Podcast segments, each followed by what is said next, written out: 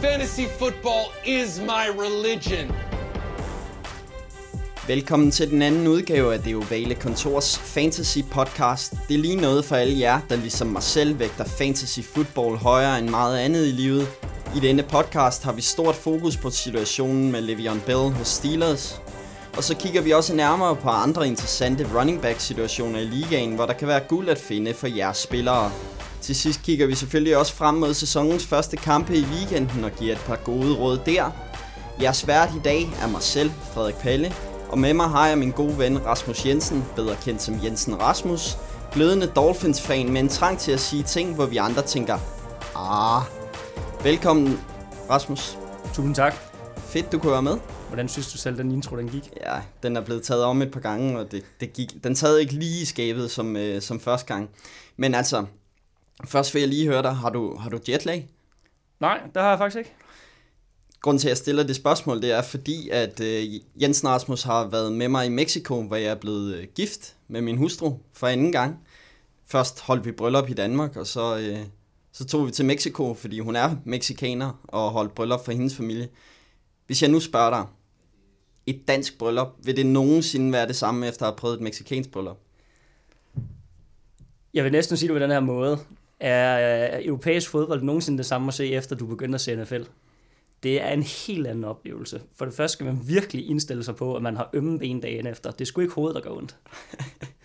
Selvom du nok også havde lidt ondt i hovedet. Ja, måske en kende. Men øh, ja, altså der var øh, mad. Man spiser mad på under en time, og så er det ellers ude på dansegulvet. Man skal sluge det mad hurtigere, end man nærmest kan tage sokker på om morgenen, hvis man vil have noget. Maden var væk med det samme, kan man sige. Øh, der var ikke øh, tid til meget andet, og så var der ellers øh, dans resten af aftenen. Og Det var fandme skønt. I... Men altså, jetlag, det kan man sgu heller ikke tillade sig at have, hvis man øh, ser NFL. Det skal man lige huske på. Altså, der er man lidt vant til, at nogle gange, så er det lidt hårdt at stoppe om morgenen, men man må skulle tage det i stiv arm. det har du fuldstændig ret i. Øh, I går aftes der havde vi også en fantasy draft. Det er helt Øh, korrekt. Os to sammen. Hvad var det lige, der gik galt der? Øh, vi har en øh, kommissær, som øh, faktisk var med i Mexico også, og øh, han tog senere fly hjem, så af gode grunde, så havde han uddelegeret opgaven som kommissær til en kammerat. Jeg siger ikke det, fordi han er Patriots-fan, men øh, af uansagelige årsager, så i stedet for at køre en snake draft med den draftrækkefølge, draft-rækkefølge, der ligesom var blevet aftalt på forhånd, så var det pludselig en fuldstændig normal draft order og en helt anden rækkefølge. Jeg siger ikke, at jeg skal bruge det som en undskyldning, men jeg draftede sidst i hver eneste runde. Og jeg draftede først i hver eneste runde, men er det ikke bare karma for, hvor mange gange du har hated på snake draften? Ja, det holder jeg stadig fast i. Rent matematisk, så er snake draften ikke forlagtig, hvis man ligger med femte eller sjette valg. Det skal I huske på, og I må gerne bruge det som undskyldning. Hvis der er nogen, der er i tvivl, så skriver I bare. Jeg skal nok give jer matematikken bag det. Det er fedt at høre. Øhm, først vil jeg lige sige, husk at lytte til vores øh, søsterprogram, Det Ovale Kontor, som giver dig et analyserende fremkig på kampene hver weekend. Der er nogle nørder på Google som virkelig analyserer alle kampe til punkt og prikke, og I får altså simpelthen et fremragende indblik i øh, de fleste kampe frem mod hver weekend. Og så har jeg også lovet NFL-ming, a.k.a. Claus Elming, at minde jer kære lyttere om, at NFL Picks er i gang igen. Husk at tilmelde jer inde på pix.dk. Det er de fedeste præmier, der er på spil. Blandt andet kan man vinde en tur til USA for at se NFL til en værdi af 15.000 kroner. Og hvordan vinder man lige sådan en øh, fed rejse? Det gør man altså bare ved at være den bedste i Danmark til at gætte vinderne på kampene. Så selvom at du måske det her blev optaget torsdag og første kamp i sæsonen der i nat, så selvom du måske lytter nu her, lad os sige et par dage efter, og ikke lige har fået sat picks til den første kamp, så kan du stadig nå at være med. Du misser bare øh, 100 point, men øh, det er der også mange andre, der gør, sagde Elming til mig, så øh, det handler bare om at kaste sig ud i det. Og så skal vi altså til at rette fokus mod øh, fantasy. Sæsonen starter i aften, i nat, dansk tid. Er du spændt? Jeg er skidespændt. Jeg er skidespændt. Undskyld, jeg lige tager imod. Jeg skulle lige melde mig op på pix.dk. En god idé, du blev øh, fristet af... Af en rejse. Man kan også vinde en øh, rejse til, til London, for øh, det er anden præmien, til en værdi af 10.000 kroner. Så der er altså masser af spændende, spændende præmier på, øh, på spil. Vores helt store fokus i dag vil være på running backs. Det er som altid det altafgørende element i fantasy football. Og der er nogle meget interessante situationer at holde øje med lige nu, hvor der kan være stor værdi at hente. den helt store situation, og den, det helt store samtaleemne i NFL lige nu, det er jo uh, Le'Veon Bell. Og i uh, dagens anledning, der har jeg faktisk taget min uh, Le'Veon Bell Steelers trøje med, fordi jeg er jo uh, Steelers fan, og jeg har det lidt tungt. Så øh, nu tager jeg den på, fordi det er måske sidste gang, at Le'Veon Bell, at jeg virkelig kan nyde øh, noget af ham. Hvad siger du til situationen, Rasmus? Jeg synes, det er lidt noget pis. Og det siger jeg ikke kun fordi, at øh, vi har en ret seriøs keeperliga kørende, hvor jeg tog Le'Veon Bell i første runde. Det skal lige siges, ligaen den startede i år. Så det er, det er lidt noget pis for at være 100% ærlig. Øh, det er en meget, meget, meget mærkelig situation. Der kommer mange forskellige udmeldinger fra de forskellige lejre. Det er lidt svært at blive klog på, hvor det bærer hen af. Øh, det er i bund og grund, det er lidt noget øv, som, som fantasy-elsker, der har taget ham i første runde. Lad os lige opsummere situationen hurtigt. Øh, Steelers kæmpede jo gennem øh, hele offseason på at forlænge ham, og de endte med at give ham øh, franchise-tagget. Og så var det lidt forventet, at Le'Veon Bell ville gøre det samme, som han har gjort sidste år, at øh, han vil vente med at møde ind til efter training camp for at undgå skader og så videre, så øh, han kan holde sin værdi og så være klar til uge 1. Men øh, situationen er den, at nu er vi øh, få dage fra første kamp mod Cleveland Browns. Han er ikke mødt ind, i går sagde agenten i, øh, i en øh, radio, at øh, Le'Veon Bell, han sagde ikke direkte, hvad Le'Veon Bell vil gøre, men han spurgte værterne, så hvad tror I, at Steelers vil gøre med Le'Veon Bell, når de kun har ham en sæson mere? Hvor værterne selvfølgelig sagde, at de kommer til at bruge ham så meget de kan, indtil, altså bare køre ham træt, fordi de er ligeglade med, hvordan hans situation er næste sæson. Eller Dallas Cowboys gjorde med DeMarco Murray for et par år siden, hvor de virkelig kørte ham øh, fuldt ud og gav ham langt over 400 carries. Så hvad skal Le'Veon Bell så gøre derfra? Og agenten sagde ikke noget direkte, men noget kunne i hvert fald tyde på, at Le'Veon Bell har tænkt sig at holde sig tilbage så lang tid som muligt, så han ikke får alle de carries, så det ikke løber meget op. Og derfor er det et stort, stort kæmpe spørgsmålstegn, hvornår han møder ind øh, til Steelers hvis vi lige tager scenarierne, værste scenarie, det er, at han møder ind i u 10, øh, og tager de sidste seks kampe af sæsonen, fordi reglen siger, at hvis han spiller seks kampe, øh, så kan, eller hvis han kan være aktiv seks kampe, Steelers kan jo selv, øh, øh Steelers kan jo selv beslutte, hvor meget de vil bruge ham og så videre, men hvis han er aktiv eller til rådighed i seks kampe, så kommer han ud på free agency som planlagt. Men hvis han under seks kampe, og han er aktiv under seks kampe, så kan Steelers franchise tag ham i næste sæson, som de har gjort i den her sæson, og på den måde holde ham i en knivtang. Så der er ingen tvivl om, at Le'Veon Bell, han, øh, han har den her plan i, i tankerne, at det kunne være en mulighed. Det bedste scenarie er jo selvfølgelig, ud fra et øh, fantasy-perspektiv, hvis man har Le'Veon Bell, er jo, at øh, James Conner, som er backup, han har en elendig uge, og alle Steelers-spillerne falder på knæ for Bell og råber, kom tilbage, og så kommer han tilbage i U2. Men det er der måske noget, der tyder på, at det ikke lige kommer til at ske. Nej, og man forstår et eller andet sted nok også godt Bill. Man så allerede, hvor det lidt bare hen af i sidste sæson, hvor han fik, mener det var 420 carries, som er et kæmpe workload for en running back at få. Altså, allerede dengang var der noget, der pegede retning af, at nu skulle det malkes, og så var han ligesom free agent. Han havde sådan en vanvittig sæson sidste sæson, hvor man jo så bare slog fast, så det giver god mening, man gerne vil forlænge med sin stjerne. Som agenten siger rigtig nok, du har måske en uh, once in a lifetime, uh, eller once in a generation player her. Uh, altså, han, er, han gør holdet bedre, han er en dual threat. Det er alfa og omega i moderne NFL. Det vil du også gerne betales for, det giver god mening. Nu er man så i sådan lidt et, et standsted, hvor begge parter skal finde ud af, hvor fanden kan man så mødes henne på midten, hvis man skal videre herfra. Fra et fantasy-perspektiv, der er det virkelig elendigt. For ja, bedst scenarie, så rapporterer han ind til U1 eller U2, og så kan man ligesom få noget ud af ham stadig. Worst case scenario, så venter han til U10. Hvad skal du gøre i mellemtiden? Og det er jo så det, vi skal tale om i dag. Fordi øh, ud fra et øh, Steelers perspektiv, så kan de jo ikke gøre så meget. De kan vælge at trække franchise tagget tilbage, som man så Washington Redskins, nej, slået vrøvl, Carolina Panthers gjorde for øh, et par år siden med Josh Norman hvor de trak det tilbage, og så var han free agent, og så endte han med at skrive kontrakt med Washington Redskins. Jeg tror også, det er noget af det, som øh, Le'Veon Bell håber på, fordi hvis Steelers trækker franchise-tagget tilbage, så er han free agent for alle hold, og så kan han få den der kæmpe kontrakt, som, mm. som han håber på. Den anden mulighed er, at han kan blive traded til et andet hold med franchise-tagget. Hvad taler så imod det? Et, Steelers vil jo selvfølgelig gerne få det sidste ud af Le'Veon Bell, mens de har ham. Øh, to, hvor meget kan de egentlig få for ham? Altså, øh, jeg tænker, i bedste fald, de kan måske få et tredje rundevalg for Le'Veon Bell. De kan ikke rigtig gå under et tredje rundevalg, fordi hvis de får et fjerde rundevalg, så mist, de mister øh, værdien, øh, hvad hedder det, øh, kon, øh, kon, øh, ja.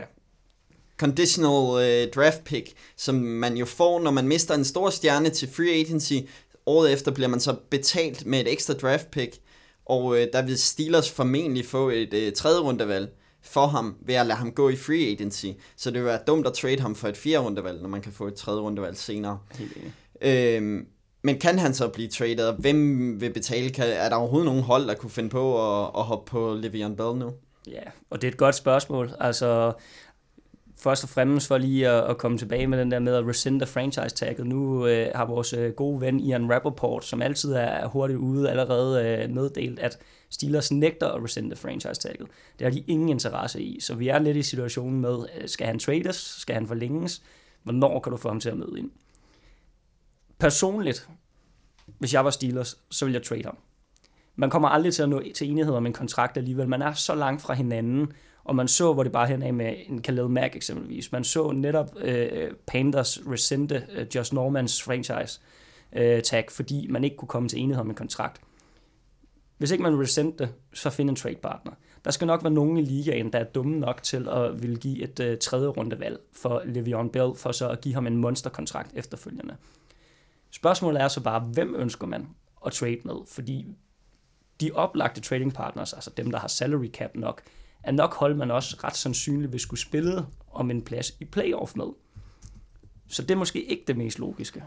Nej, altså i forhold til at trade, fordelen for Steelers ved at trade ham, det er, at man kan lidt selv styre, hvor han så ender. Og så kunne det jo være oplagt ikke at trade ham til nogle AFC-konkurrenter, og specielt ikke nogle AFC Nord. Han skal aldrig være i AFC, hvis man skal af med ham fra Steelers. E- e- eksempelvis. Men der er også problemet, at hvis han bliver traded, så ryger han over på franchise-tagget, og holdet kan så ikke forlænge ham før efter sæsonen. Så hvis Le'Veon Bell fortsætter med at være den her hard to get kind of player, så kan han øh, blive traded til, lad os sige, øh, hypotetisk set, øh, Seattle Seahawks nu. Meget hypotetisk. Øh, og så kan han sige efter sæsonen, at jeg vil til et helt andet hold. Og så har det her hold altså brugt et draft pick på at trade sig til ham, mm. uden egentlig at kunne øh, skrive kontrakt med ham efterfølgende. Men der skal man måske kigge øh, mod NFC-hold, der er i win-now-mode.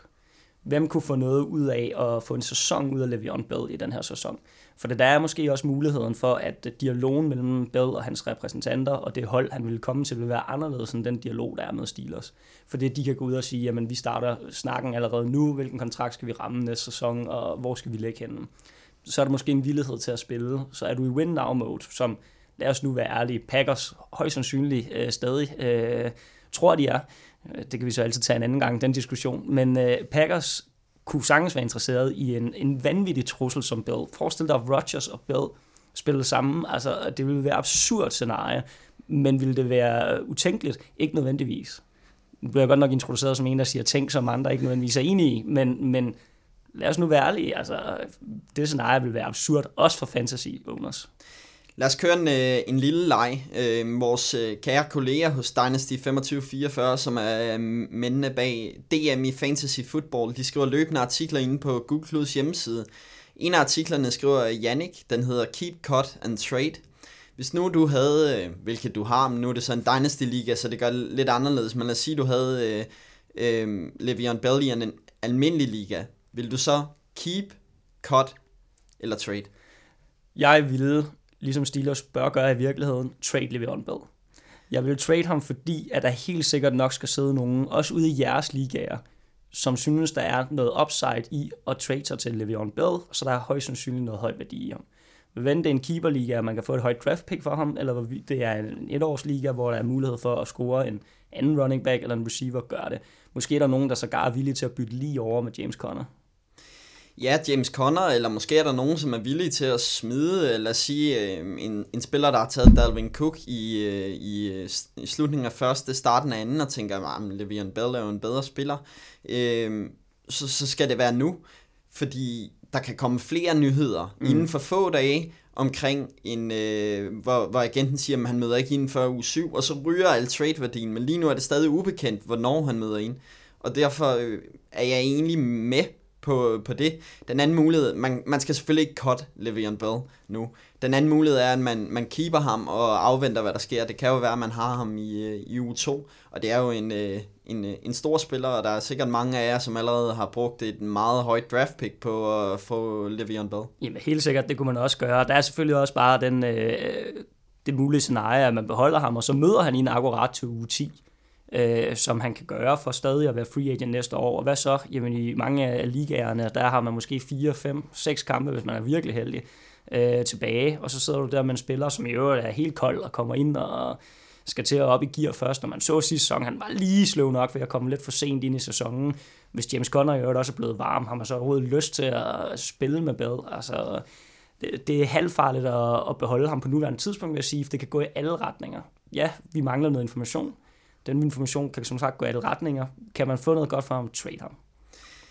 Og så er der også det, som, øh, som vi talte om inden podcasten, at det er meget markant på den måde, at hele Steelers offensiv linje gik i krig med Le'Veon Bell i går, da han ikke mødte ind til onsdagens øh, holdmøde, øh, hvor, hvor de angreb ham. Marquis Pouncey, Ramon Foster, David DeCastro, som virkelig er ledere på det her Steelers offense de, de var meget, meget øh, kritiske over for øh, Le'Veon Bells øh, udeblivelse.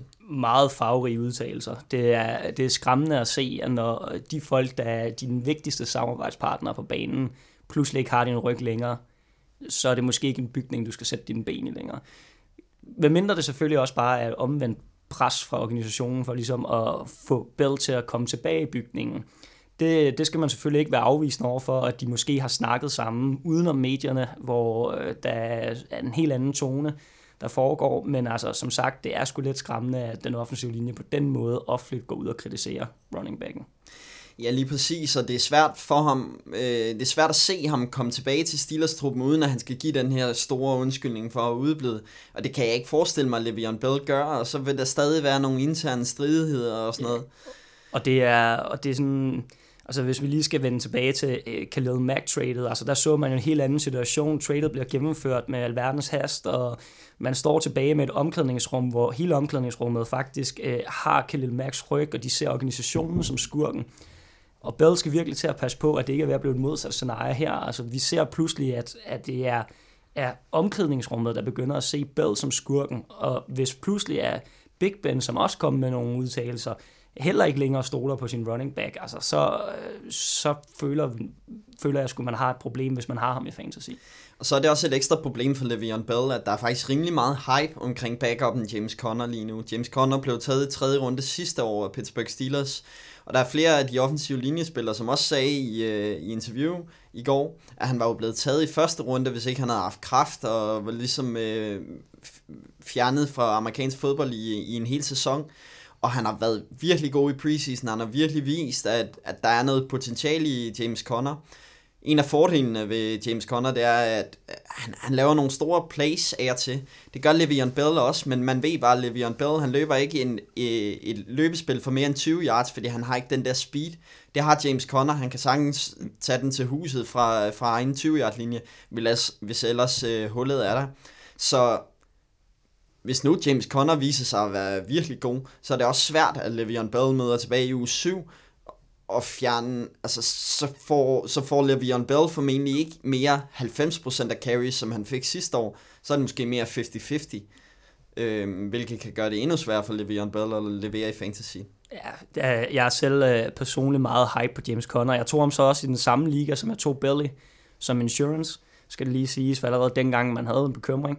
Øh, James Conner, rigtig god preseason, som Frederik siger. Øh, han er blevet bedre med sine hænder, men stadig selvfølgelig ikke lige så god som Bell.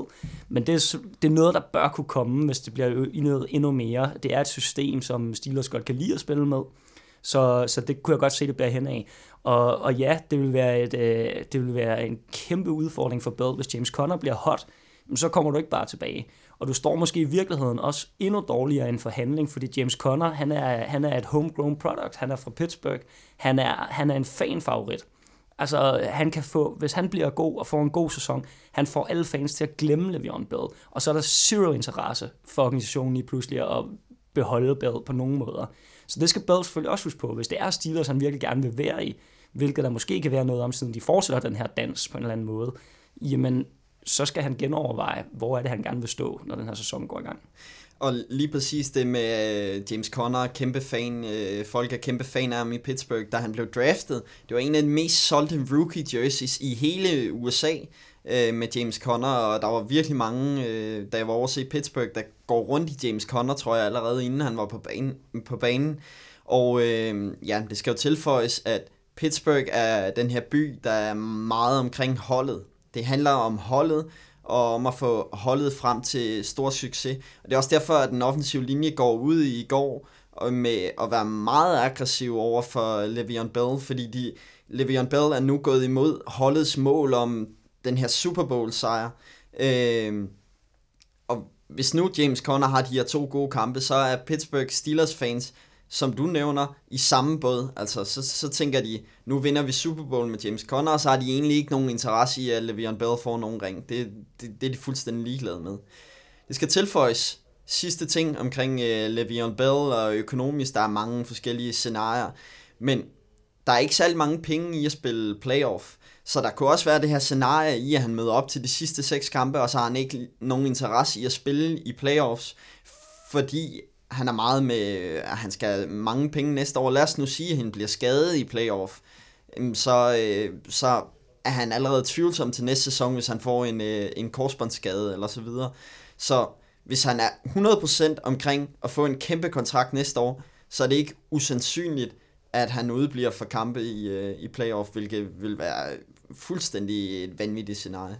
Fuldstændig vanvittigt scenarie, men men det vil jeg så også følge op med at sige, hvis han er, er fuldstændig seriøs omkring en kæmpe kontrakt næste år, så skal han også møde op nu. Han skal møde ind, og så skal han være klar til uge 2, for han bliver ikke klar til uge 1, selvom han møder ind nu. Men han skal vise, at han er en holdspiller. Det er det, der giver dig den næste store kontrakt. Om det så er Steelers, det er det 7 13 højst sandsynligt aldrig. Eller bliver det aldrig, øh, fordi Steelers vil ikke betale det, det er vi blevet klar over efterhånden. Men mød nu for helvede ind. Giv os nu noget igen for at drafte dig første runde, Bill.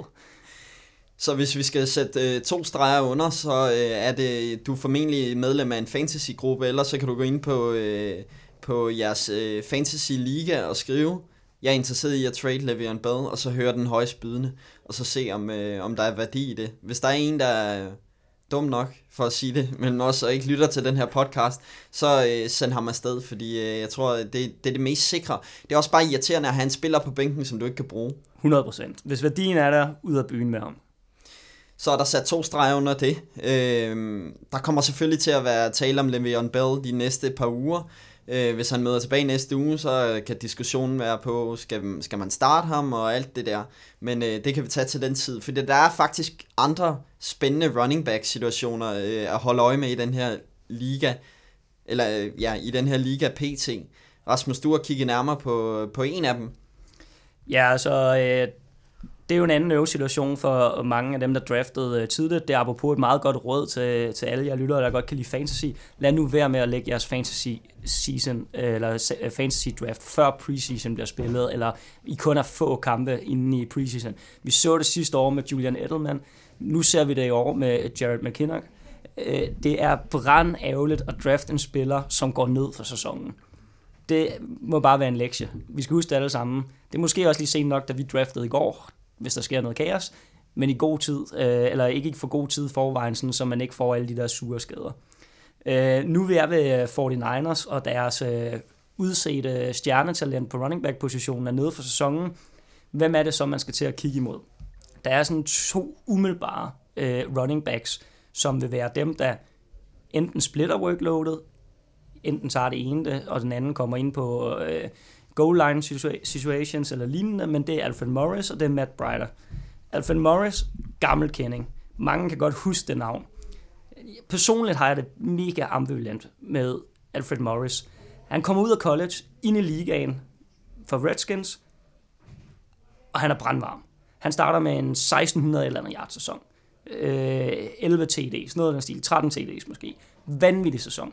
År to, rigtig god også, 1000 yard igen, plus År 3, 1000 yard igen, plus det kører bare for ham. Alfred Morris står højt på listen. Han bliver draftet i første runde, i anden runde, senest. Han bliver altid draftet højt. Kommer vi til fjerde sæson, og lige pludselig, så er der bare et eller andet, der ikke fungerer for Morris længere. Han har det bare ikke. Han bliver ikke længere brugt på samme måde. De har ikke den store tiltro til ham. Og da sæsonen er slut, og han er free agent, har man faktisk heller ikke rigtig en interesse i at holde fast i ham. Det virker dog som om, at Phil Morris også mister noget selvtillid. Det kan godt være, det er bare mig, men jeg mener ikke, man har selvtillid, hvis man tager til Cowboys, hvor man bliver et åbenlyst anden valg, øh, når man et eller andet sted har vist, man har talentet til at kunne spille. Det der hvad Alfa Morris gør, øh, kommer til Cowboys, sætter sig på bænken bag øh, Ezekiel Elliott, og kan sidde der sådan lige og komme ind en gang imellem. Han er dog lidt heldig, så Elliot får den her 8-kamps øh, karantæne. Øh, det er Alfred Morris' store chance. Han skal i spil. Det er hans anden sæson i Cowboys. Og han har egentlig også en udmærket sæson. Han har 99 carries for 430 yards eller noget af den stil. Øh, kun et enkelt touchdown. Øh, men, men på ingen måde overbevisende nok til, at Cowboys ønsker at holde fast i ham. Nu er han så i 49ers. Han er sammen med sin offensive coordinator, som nu er head coach godt nok, Kyle Shanahan. Det var ham, han havde vanvittige sæsoner under i Redskins. Skal vi så til at stole på Alfred Morris? Er det nu, vi kan stole på Alfred Morris igen? Han har ikke haft en god sæson siden 2014. Der kommer rigtig mange meldinger ud af camp om, at han ser god ud. Han ser fedt ud. Han øh, løber med, øh, med øh, stor vision, med, øh, med høj hastighed og god til at bryde taklinger. Skal vi stole på ham? Jeg er sgu ikke sikker jeg har sgu mistet tilliden til Alfred Morris. Altså, bliver ved med at stole på ham, og jeg skal lige sige, at jeg draftede Alfred Morris i går. øh, så han er der, og han kommer til at sidde på bænken, men han kommer sgu ikke til at ryge startopstillingen. Jeg tror ikke på Alfred Morris. Til gengæld, Brighter. Han havde lige lidt bøvlet preseason. Han er spag nu. Det er meget spændende. Han kunne være lovende. Han er anden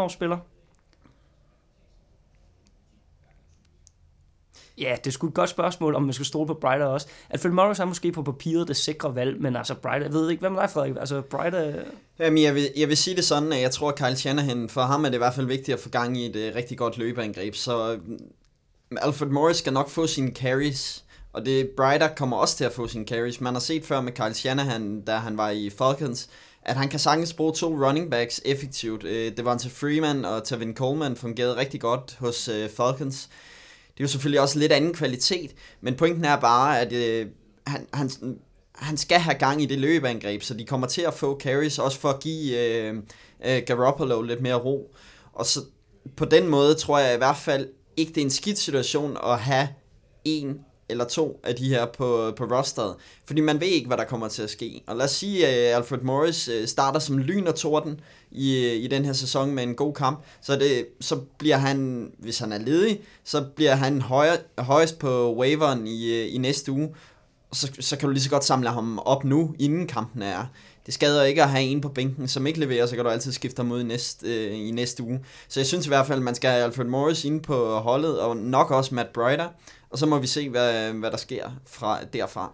Meget enig. Og øh, hvis der skulle sidde nogle engler derude, der ikke er draftet nu, så kan jeg lige afsløre, at jeg fik ham i 15. runde, så man kan få ham ret langt ned. Alfred Morris står ikke i høj kurs mange steder. Der er nok også mange andre, der er blevet skuffet. Øh, tag ham ind. Jeg har ham selv på holdet, men jeg vil sgu ikke starte ham. Jeg vil ikke starte ham. Jeg synes, det er for usikker en situation.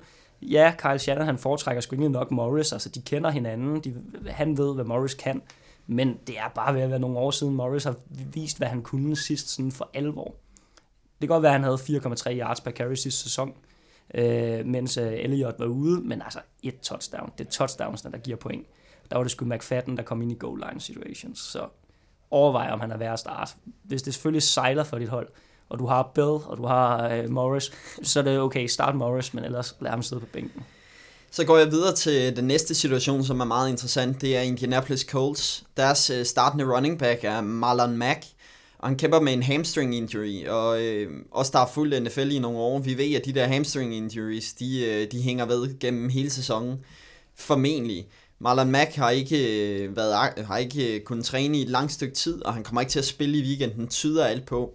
Næste mand op er Jordan, Jordan Wilkins, femte rundevalg for årets draft. Han er øh, udset som øh, starter, altså en øh, rookie starter. Og øh, tag chancen med ham.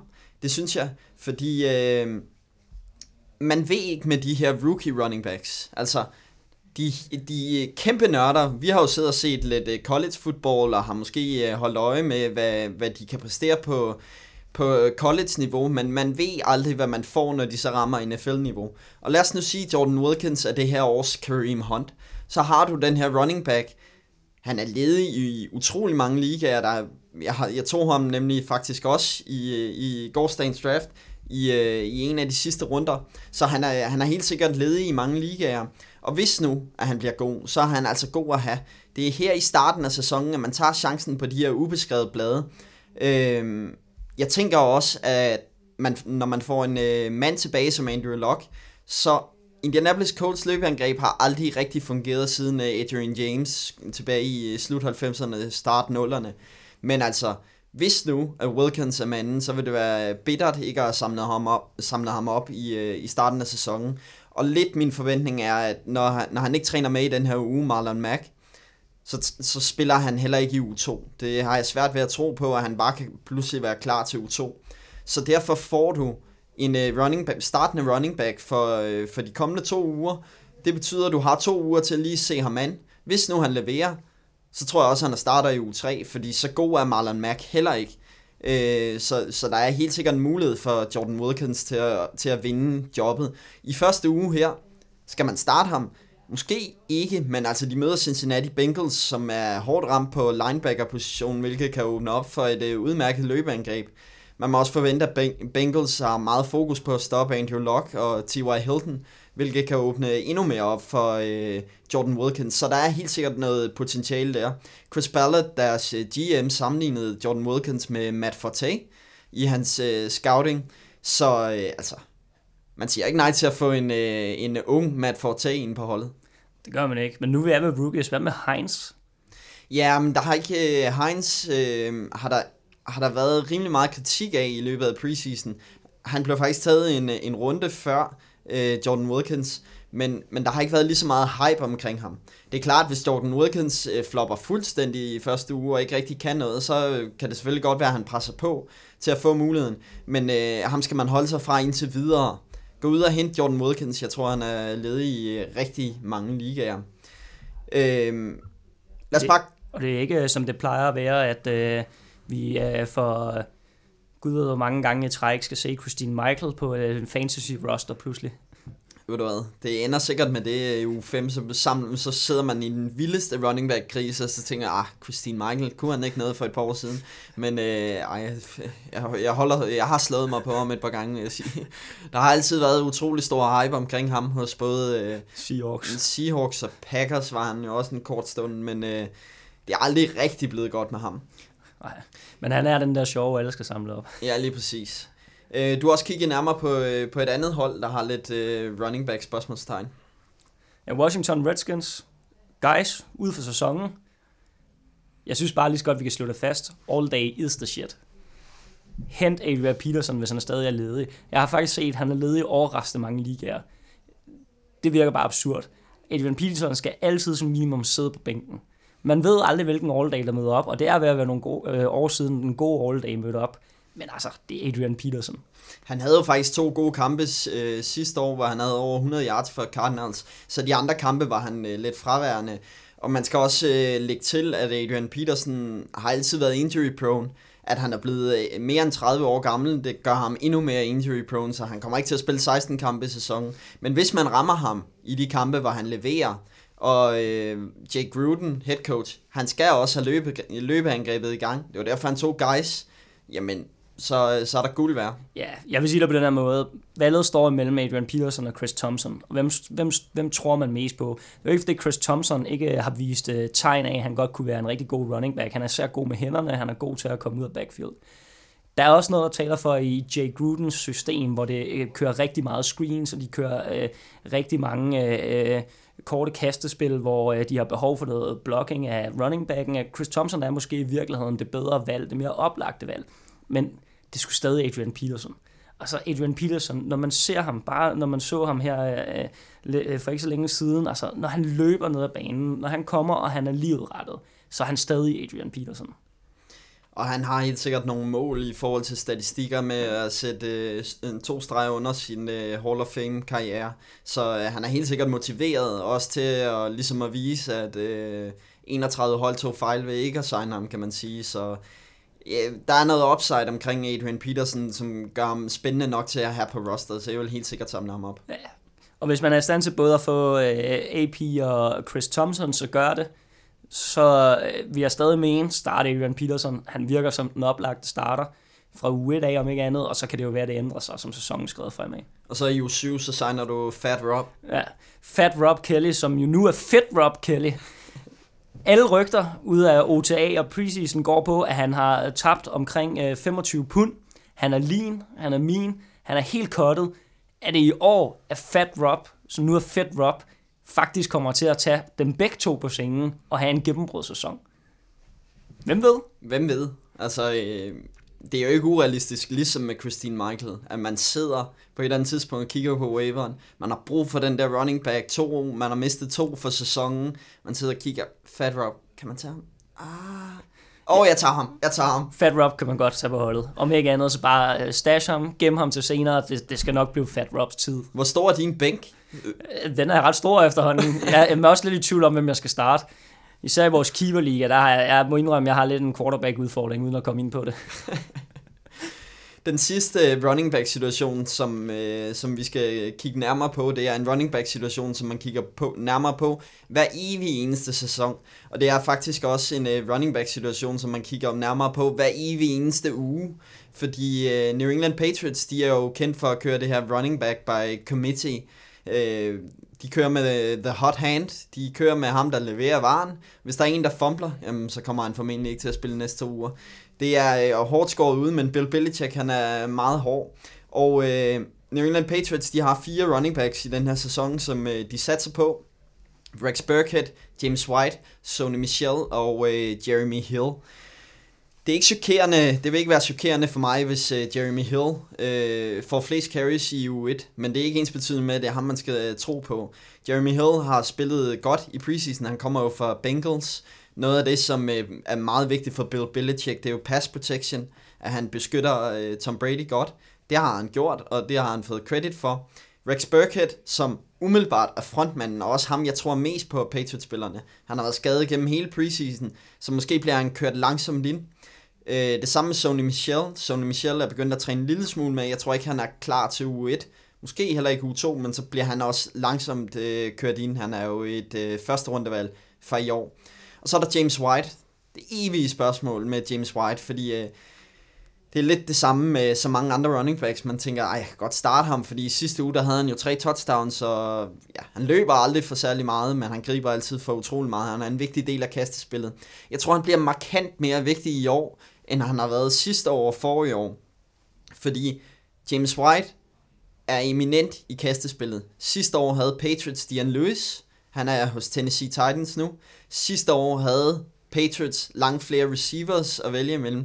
Lige nu har de fire receivers i truppen, og det er altså ikke imponerende. Cordell Patterson, øh, Philip Dossett og Chris Hogan, bare for at nævne nogle af dem. Det er jo ikke stjerne-receivers, så Brady bliver også ældre, og også som, nu ved jeg, at vi har det til fælles, at vi er ikke kæmpe fans af, af Patriots, vi siger jo, øh, jo ældre Tom Brady bliver, jo kortere kaster han, og jo mere kaster han til de running backs. Så jeg tror, der er noget upside omkring James White i den her sæson. Problemet er bare, som det er med alle andre running backs hos Patriots, det skifter meget fra uge til uge. Det skifter meget fra uge til uge, men jeg vil umiddelbart vil jeg se på James White som en receiver i den her sæson, og ikke som en running back. Jeg tror, de kommer til at køre rigtig meget med to running backs på banen. De har en mangel på receiver. White er en oplagt receiver hvis man skal vælge en, og det skal jeg ikke sige bare fordi jeg draftede øh, Jeremy Hill, men jeg tror simpelthen på, at der er, øh, der er noget turnaround potential i Jeremy Hill i Patriots. Bill Belichick kan få noget ud af det. Med det sagt, under normale omstændigheder, aldrig rør en Patriots running back med en ildtang. Der er vist ikke nogen af os, der glemmer 2014 Jonas Gray, 199 yards, fire touchdowns ugen efter, så eksisterer han ikke på den roster. Han kom lige et par altså, minutter for sent til møde. Og det er sådan noget, altså det, det siger bare noget om, det går så hurtigt i Patriots. Running backs, det bruger smid væk, og det er ikke fra sæson til sæson, det er fra uge til uge. Det er også derfor, jeg bliver nødt til at sætte mig imod dig, når du siger Jeremy Hill, fordi som jeg siger, jeg tror, han starter u 1, men jeg kender Jeremy Hill fra, øh, fra mødt Steelers mange gange. Han er eminent til at lave fejl på de dårligste tidspunkter. Ja.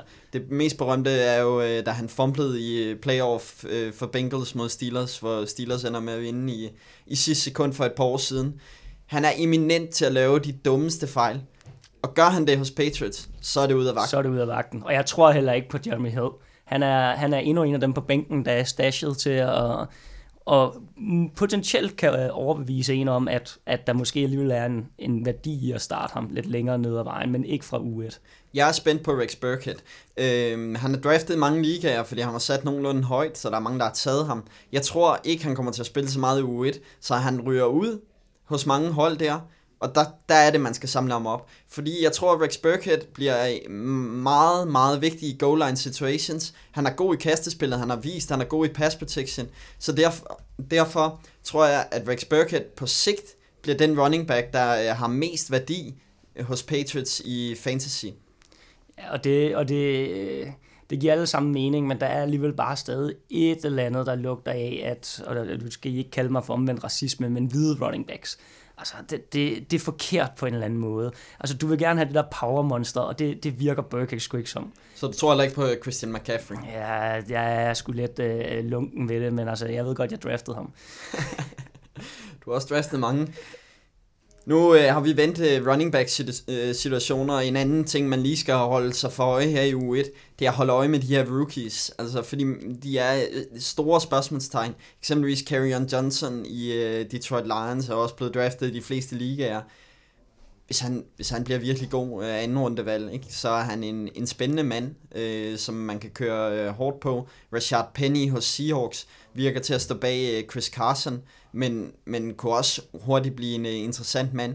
Og så er der de der, som øh, er, backups PT, Nick Chubb hos Cleveland Browns, Ronald Jones hos Tampa Bay Buccaneers, som ikke har stjerner foran sig. Altså Carlos Hyde i Browns er ikke den her vanvittige running back.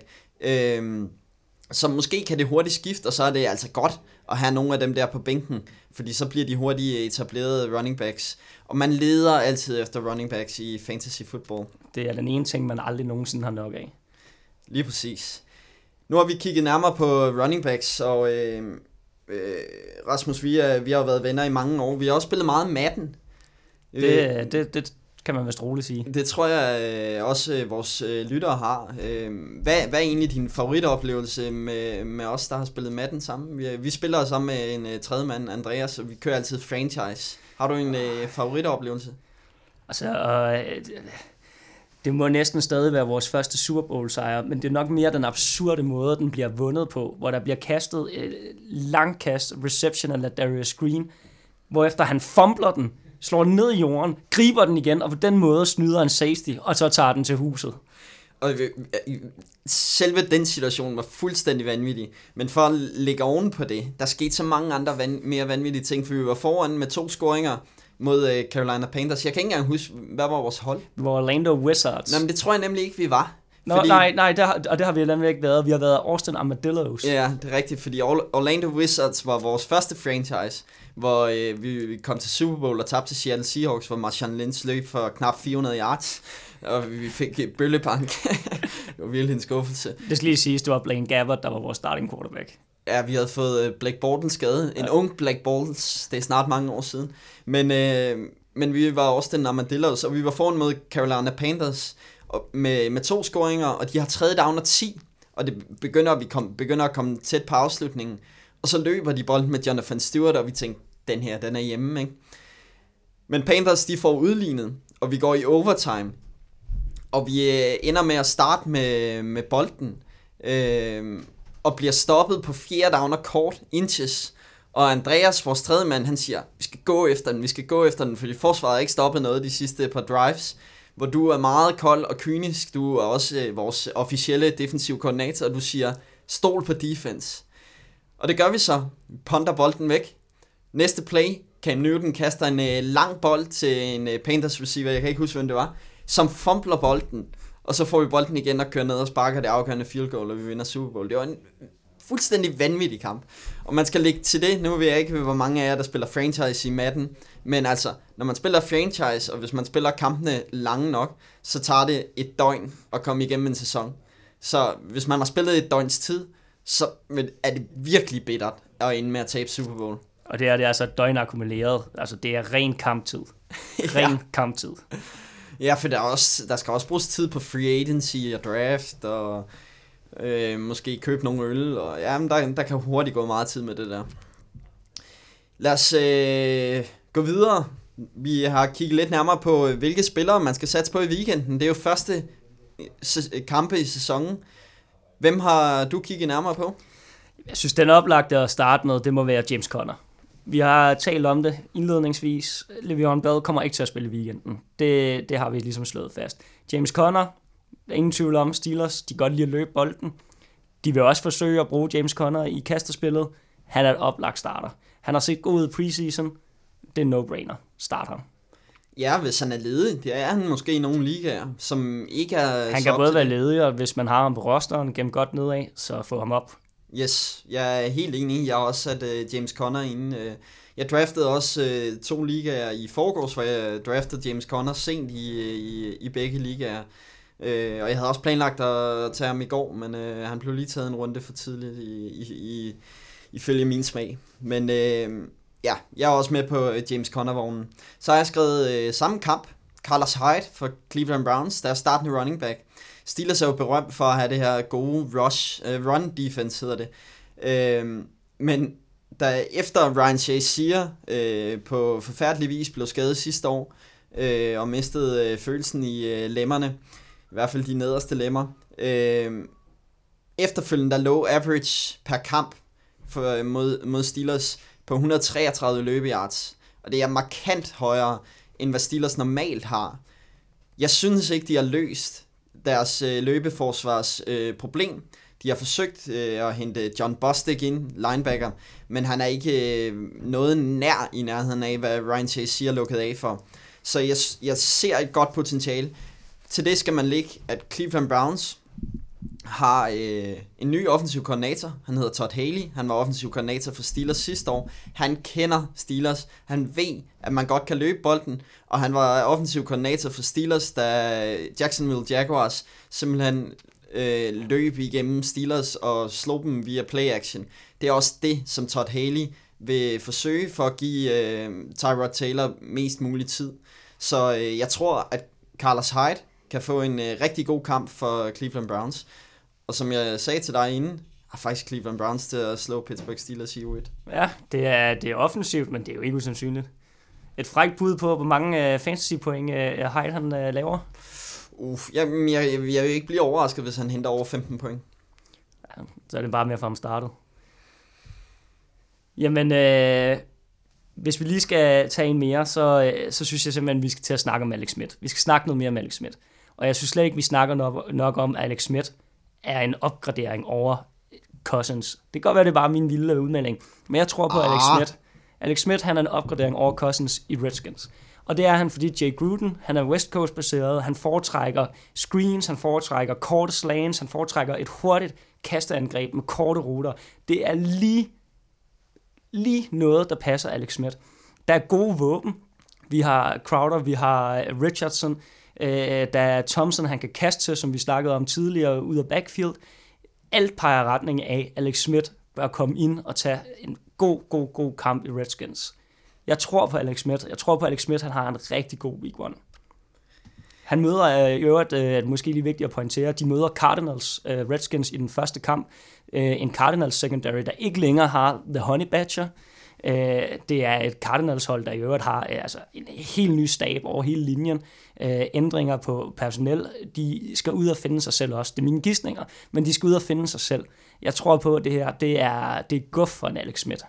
Jeg synes også, at Jake Gruden, head coach, har, har været god til at få det optimale ud af quarterbacks, som ikke er top-top quarterbacks, 100%. men uh, som er lige under. Han, han var virkelig god med Andy Dalton, og uh, har så også fået rigtig meget ud af Kirk Cousins, kan man sige.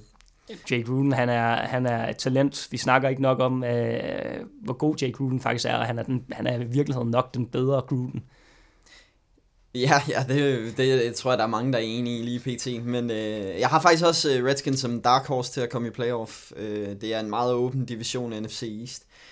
Lad os gå videre til min næste bud på en, man skal starte. Jared Goff fra øh, Rams, som møder Raiders i den øh, sene Monday Night Football kamp. Starter kvart over fire. Jeg planlægger i hvert fald at se den, men øh, det, er, det, det bliver hårdt. Det kan jeg godt øh, være ærlig at sige. Jeg vil sige, jeg kigger på stats fra sidste sæson med Jared Goff. De viser, at han var faktisk bedst i september måned.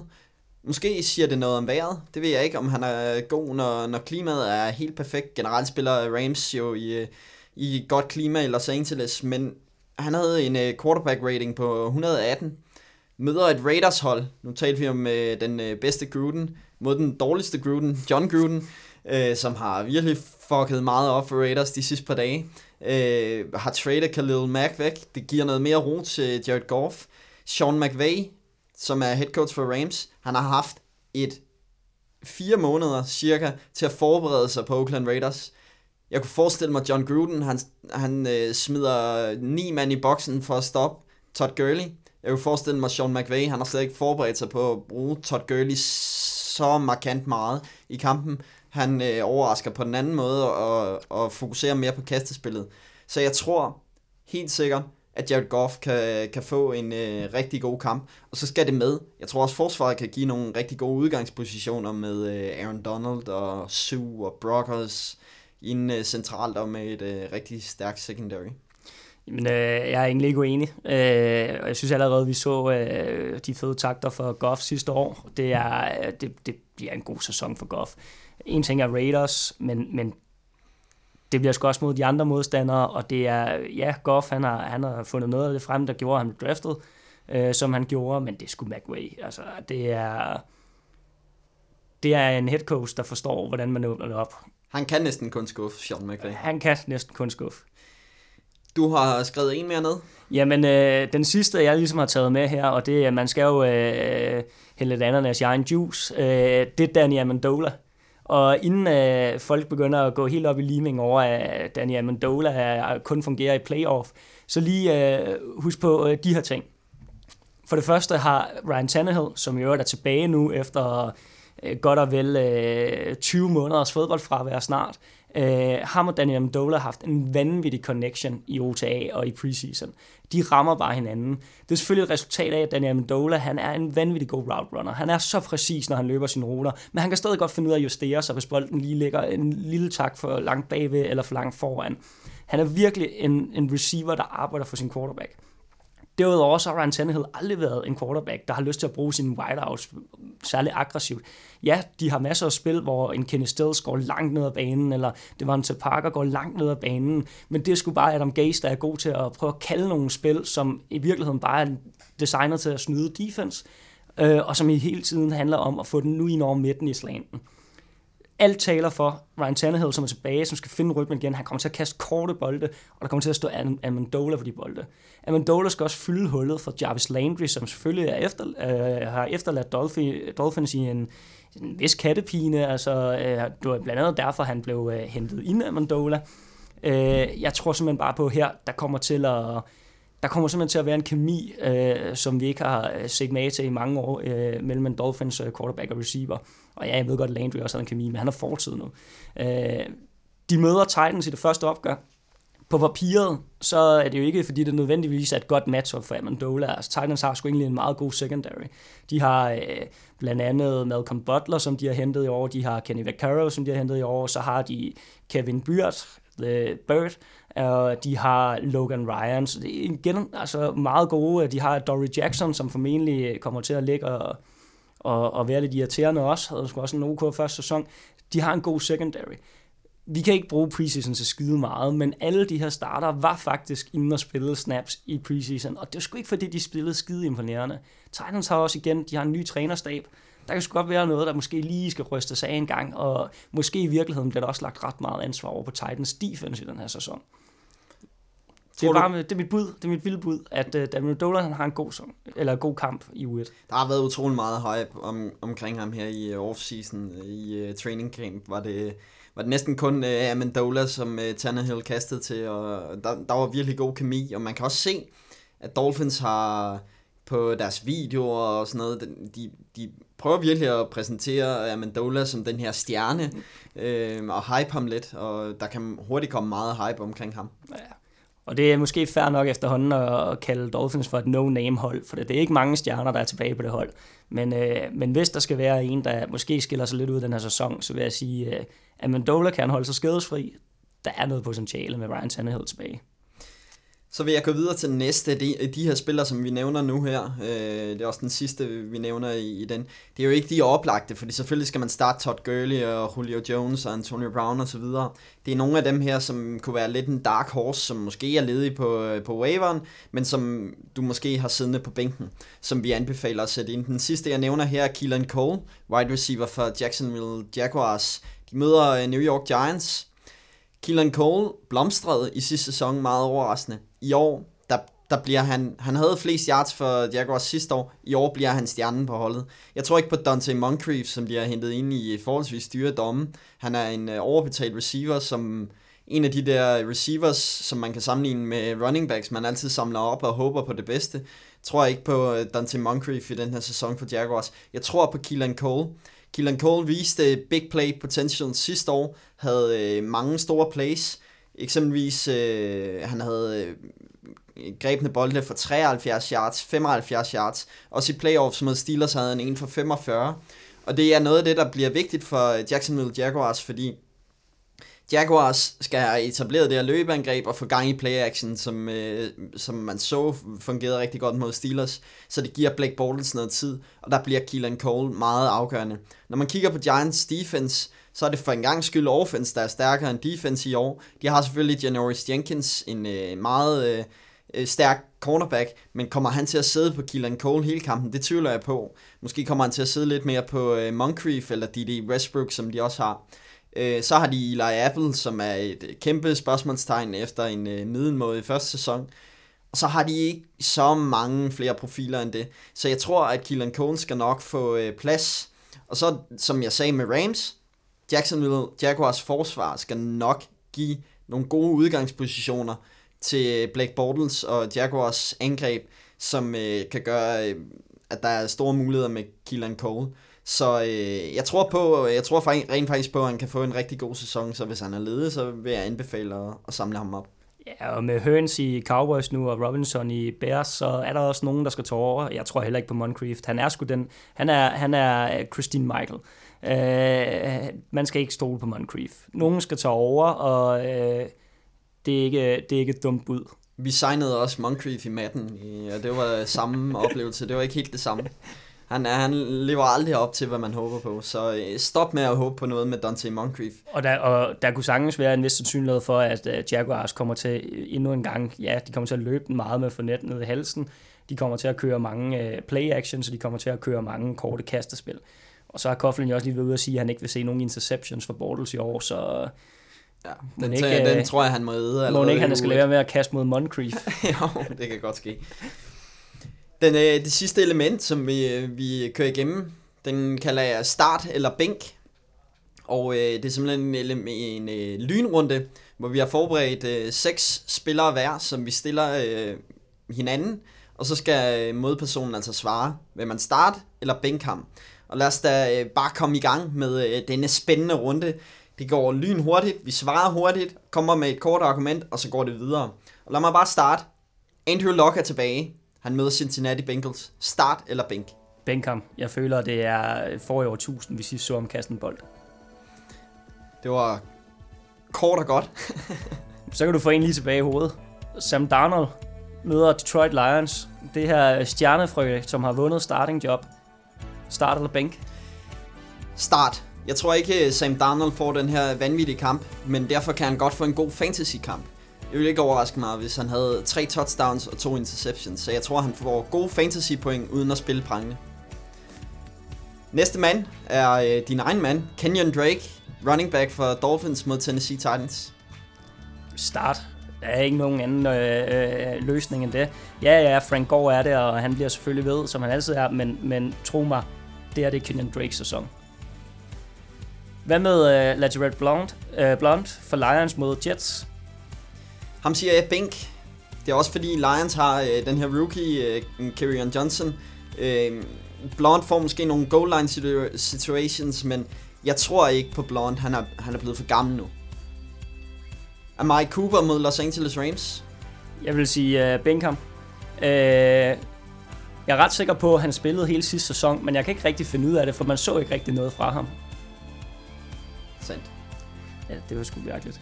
Hvad med uh, Torrey Smith mod Dallas Cowboys? Bink og cut, vil jeg sige. Uh, Torrey Smith har ikke noget at gøre på et fantasy football hold. Jeg tror ikke på ham på, uh, på nogen måde. Uh, de har Funches, og de har DJ Moore, og der går ikke længe før at de to de er 1 og 2. Lige nu er Torrey Smith uh, starter, men uh, det er bare spørgsmål om en uge, så er DJ Moore foran ham. Sammy Watkins mod Los Angeles Chargers. Start. Og det siger jeg ikke bare, fordi jeg har draftet ham. Jeg tror sgu på uh, Sammy Watkins i år. Interessant, interessant. Han bliver med Holmes favorit uh, target. Jeg havde skrevet Bink, fordi øh, han står over for Casey Hayward. Ja. Bedste corner i ligaen. Med Holmes, han åbner det op. Det bliver spændende at se. Kelvin Benjamin mod Baltimore Ravens. Bink. Jeg tror, at Baltimore Ravens defense kommer til at lukke fuldstændig ned for Buffalo Bills i uge 1. Det er næsten også den mest sikre sejr, hvis øh, bare lige anbefalelse til picks. Hvis I ikke har sat picks, så vil jeg sætte øh, Ravens højst, eller Packers. Bink. Calvin Benjamin. Carl Rudolph mod San Francisco 49ers. Start. Cousins er i byen. Du var ellers kritisk mod Cousins før. Ja, jeg er stadig kritisk mod Cousins, men han kan godt finde Titans. Fair enough. Og på Titans. Nu er han tilbage. Antonio Gates, og det mod ærkrivalen Chiefs. Jeg er virkelig i tvivl om den her. Men jeg er Gates-fan. Start ham. Start ham i den her uge. Gates kommer tilbage med et brag. Jeg tror ikke på Chiefs defense overhovedet. Jeg tror, det bliver en højtskårende kamp. Jeg tror ikke, Gates får øh, over 50 yards, men han kan godt få to touchdowns. Houston Texans defense mod New England Patriots defense. Og offense forhåbentlig. Offense, ja, selvfølgelig. Bænk. Det er ikke fordi Texans ikke har et godt defense, men det er mod Patriots. Og ja, de er måske lidt øh, sløve ud af startboksen, men det er stadig mod Patriots. Bænk. Khalil Mack, han er i Bears nu. Deres defense mod Green Bay Packers offense. Jeg er virkelig i tvivl igen, vil jeg sige. Men jeg siger bænk, fordi jeg tror på, at Aaron Rodgers kommer ud som lyn og torden med Green Bay Packers, og der efter uge 1, så er der hype om, at de skal nok vinde Super Bowl og alt det der. Men hvis Bears defense spiller prangende i den her kamp mod Packers, så sørg for at få Bears ind på, på dit hold, fordi så kommer de til at være holdbare gennem hele sæsonen. Det er jeg ikke til kun i tvivl om. De har et fremragende defense, og specielt med Khalil Mack i, øh, i truppen. Fedt. Så er vi også oppe omkring en, øh, en times udsendelse, og øh, det er også, hvad vi øh, håbede på at ramme. Det har været hyggeligt at have dig med, Rasmus. Jeg håber, at du også er frisk på at være med i øh, løbet af sæsonen. Meget gerne. Vi kommer til at lave et program hver evig eneste uge, der kigger fremad. Vi vil selvfølgelig gerne nå waivers, men øh, det er ikke realistisk muligt. Det bliver alt for hurtigt uaktuelt. Men vi skal nok sørge for at tale om spillere, som er mulige at samle op på waivers de kommende uger, for det der, der er jo hele tiden øh, aktuelle ting der, kan man sige. Hvis I har nogle spørgsmål, så fyr dem afsted ind på øh, det ovale kontor. Vi skal nok sørge for at få svaret på dem. Jeg skal nok sørge for at hjælpe på bedst mulig vis. Jeg har allerede nogle personer, som jeg ikke kender, men som skriver til mig jævnligt øh, efter gode råd. Jeg ved ikke, om de nogensinde vinder, men øh, de spørger i hvert fald stadig, så jeg går ud fra, at det er okay. Så vil jeg også anbefale at gå ind på Google Clouds hjemmeside. Der kommer løbende fremragende artikler fra alle nørderne derinde. Blandt andet har Dennis Kortsen øh, i dag set nærmere på Hjalte Froholt. Hjalte Froholt er øh, den helt store dansker hype lige pt. Der taler om, han bliver nok formentlig draftet næste år, hvis alt går vel i den kommende college-sæson. Han har set nærmere på tape fra hele 2017-sæsonen, set nærmere på, hvad skal der arbejdes på, og hvad, hvad er han rigtig god til. Så øh, se nærmere på det. Måske har vi en dansker i, lad os sige, anden runde næste år, og det er måske et drømmescenarie, men der er bestemt en mulighed for... Højt i anden runde. Højt i anden runde. Lad os bare tage ham i første runde. Første runde. Dolphins tager ham med first overall pick. Ja. og så øh, husk for alvor at øh, gå ind på NFL Picks og få sat jeres picks. Der er de her geniale præmier. Og Og så abonner på Det Ovale Kontor på jeres podcast-app. Der kommer alle fantasy-podcastene ind. Og der kommer selvfølgelig også de andre podcasts, som er de mere analyserende omkring holdene, hvor vi har fuld fokus på øh, fantasy. Og så ellers nyd, at sæsonen er i gang, fordi når uge 1 er spillet, så er sæsonen næsten slut. Det går så hurtigt i NFL. Det er forfærdeligt. Det er virkelig forfærdeligt. Så det handler om at få taget fri fra arbejde, så man kan se nogle af de sene kampe. Og ellers så bare øh, kaste jer ud i det. Ja, og ellers er det bedste tip lige til på mandag, på den meget, meget sene kamp. Så spændende er Lions Jets heller ikke, så gå lidt tidligere i seng og så stå op og se den spændende kamp, som bliver spillet sidst. Jeg har jo allerede kaldt, at Darnold han får en middelmådig kamp, så I behøver ikke at følge med der. I ved, hvordan det går. Præcis. Tak fordi I lyttede med, og øh, vi ses igen om en uge.